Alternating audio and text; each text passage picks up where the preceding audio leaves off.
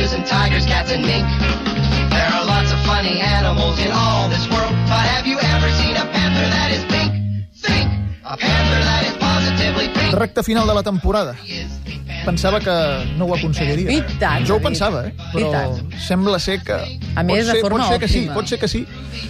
Perquè en queden poques ja per acabar la temporada, no? En queden, diria que són vuit. Vuit setmanes. Vuit sí, setmanes 16 queden. programes, si no m'he descomptat. És poquet, això. És poquet, Eh? És molt poquet. Per Sí. tant, avui avui tenim un tema que sé que t'agradarà molt. d'acord? Sé que t'agradarà molt. Comencem? Sí, comencem, Vinga, comencem.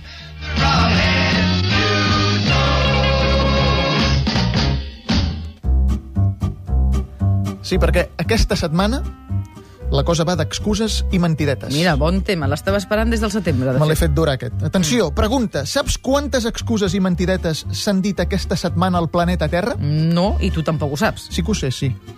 485.000 milions 386.713.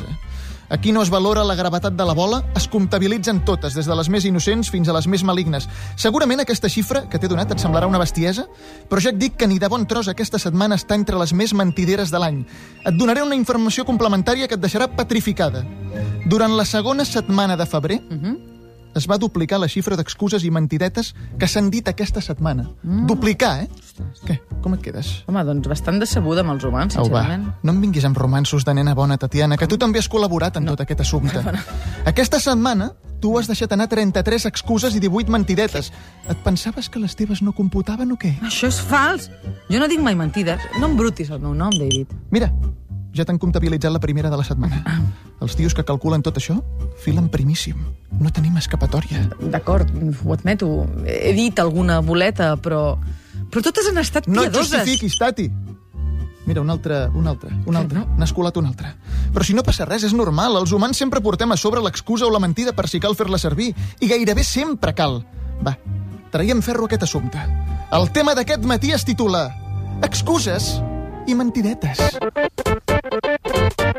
Des d'ara i durant els propers 10 minuts repassarem la llista d'èxits d'aquesta setmana. Les excuses i mentides més utilitzades al món entre els dies 15 i 21 de maig. S'han fotut un grapat de troles i excuses barates. Tens ganes de saber quines han estat les més utilitzades, oi? Doncs queda't amb nosaltres i obtindràs la resposta. En el número 5, amb 955.000 milions 385.226 descàrregues vocals, un clàssic de la inutilitat sexual. Oh, David, no saps les ganes que tenia de quedar-me sola amb tu en aquesta habitació. Jo també en tenia ganes, Loli. Però no em petonegis el coll amb tanta fúria, perquè podria tenir un accident. M'agrada no deixar-te ni respirar, no donar-te ni un segon de treva, menjar-te amb avidesa. Calma, calma, Loli, calma. Prenem-nos-ho amb calma, que sóc molt dèbil. Ai!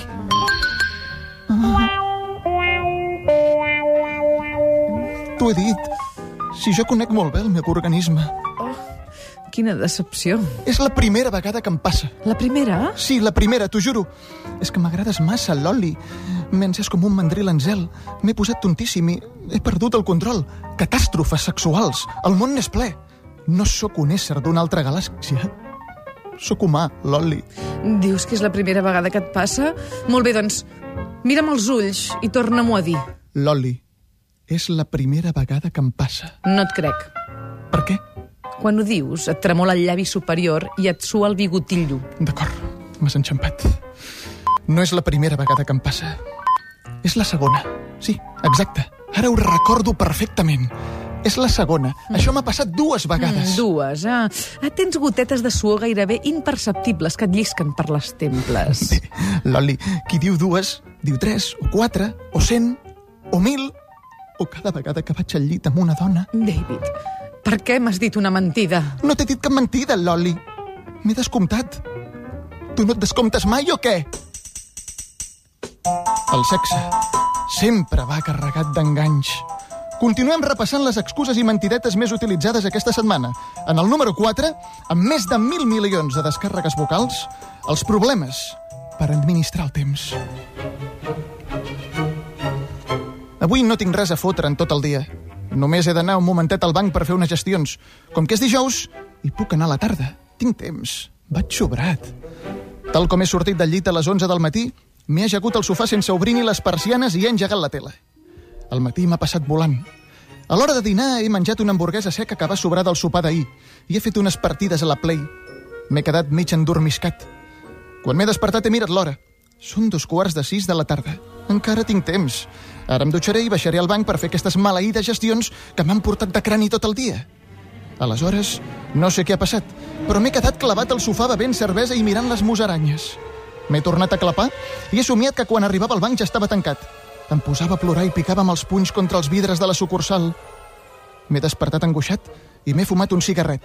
M'ha caigut una volva de cendra roent al sofà i s'ha fet un forat a la tapisseria.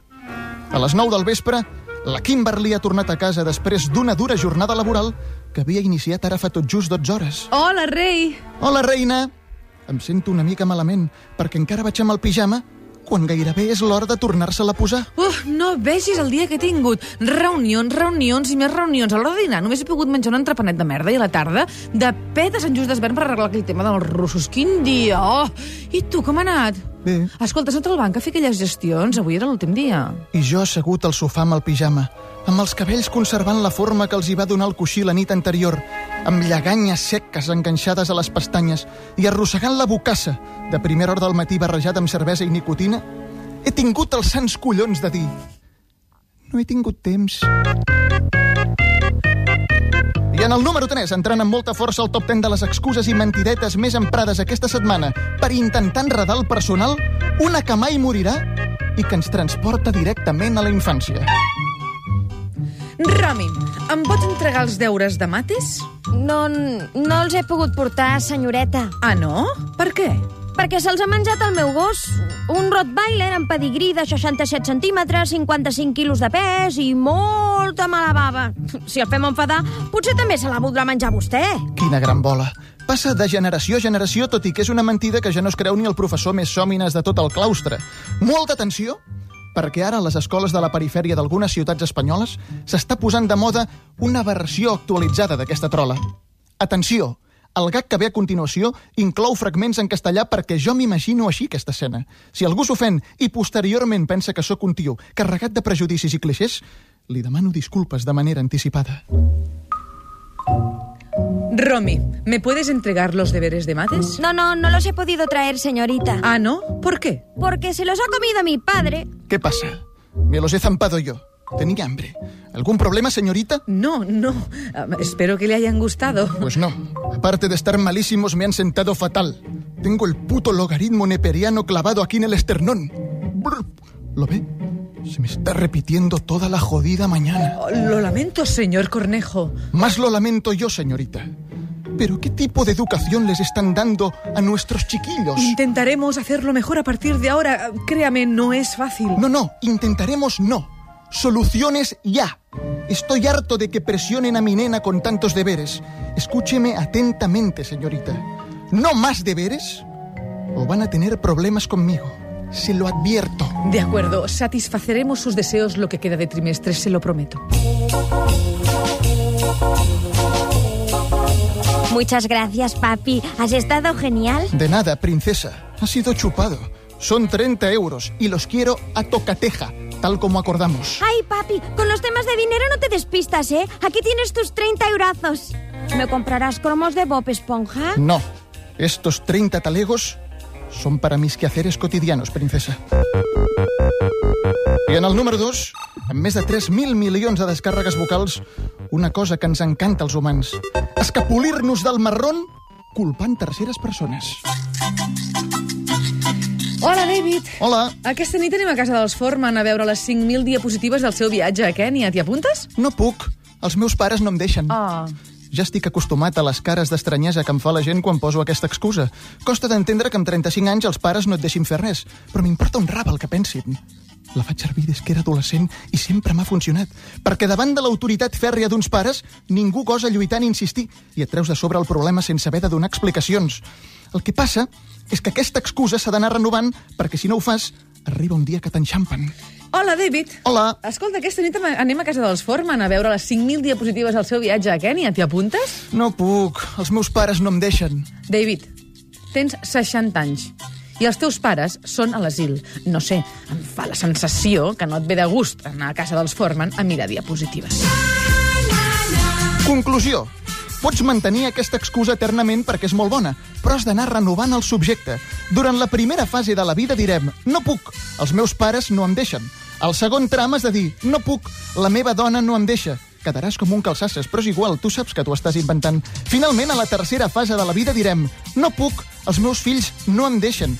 I així transcorre la vida, de prohibició en prohibició. El dia que et moris, els assistents a la sala de velles diran pobret, mai li van deixar fotre res, i tu t'emportaràs el secret a la tomba. Sí, en realitat, sempre has fotut el que t'ha donat la gana. I en el número 1 tenim la mentida més terrible de totes. A ningú li agrada dir-la, però algunes vegades se'ns escapa. Queda demostrat que en el món de les excuses i mentidetes tot s'hi val. Si no, com s'explica que aquesta setmana les morts fictícies tornin a liderar la classificació amb més de 5.000 milions de descàrregues vocals? Estem molt descontents amb vostè, senyor Balaguer. Ahir va tornar a faltar a la feina. Espero que em porti un motiu de pes per justificar la seva absència. Què li passa? Es troba bé? Senyora Miniware, aquest matí hem enterrat el meu pare. Senyor Balaguer, en els últims tres mesos se li han mort vuit pares, set àvies, 15 oncles, sis cosines, tres àvies i cinc besàvies. Aquí hi ha dues opcions. O vostè té una família hipernombrosa que està passant una mala ratxa, o ens està fotent una bola de molt mal gust. Hem trepitjat merda. Per si de cas m'està fotent el pèl, li recomano que es compri una llibreta per portar un seguiment acurat dels seus assassinats ficticis. Així potser no matarà algú que ja ha matat anteriorment. M'està fent mal, senyora Miniware. Jo no sóc d'aquesta mena de persones. Perdoni que dubti de vostè, senyor Balaguer, però és que jo mai, jo mai havia conegut cap persona a qui se li hagi mort el pare vuit vegades. Ha d'entendre, em resulta un pèl estrany. No, si jo l'entenc. Com es pensa que em sento jo després de passar pel mateix tràngol vuit vegades? O desubicat, m'imagino. Exacte, aquesta és la paraula. Per això em sembla fatal que dubti de la meva honestedat. He trepitjat merda. Oh, però molta merda, eh? Moltíssima. Una tifa, així de grossa. Senyora Miniware, faré cas dels seus consells i em compraré una llibreta. Puc sortir del seu despatx? Tinc molta calor i m'estan agafant fogots. Veu com su? Sí, sí, una barbaritat. S'ho hauria de fer mirar, perquè en aquest despatx tinc l'aire condicionat a 16 graus. Té que estar destemplat pel disgust. Deu ser això? Marxo, eh? Sí, sí, marxi, marxi. Eh, David, Sí, senyora Miniware? l'acompanyo en el sentiment.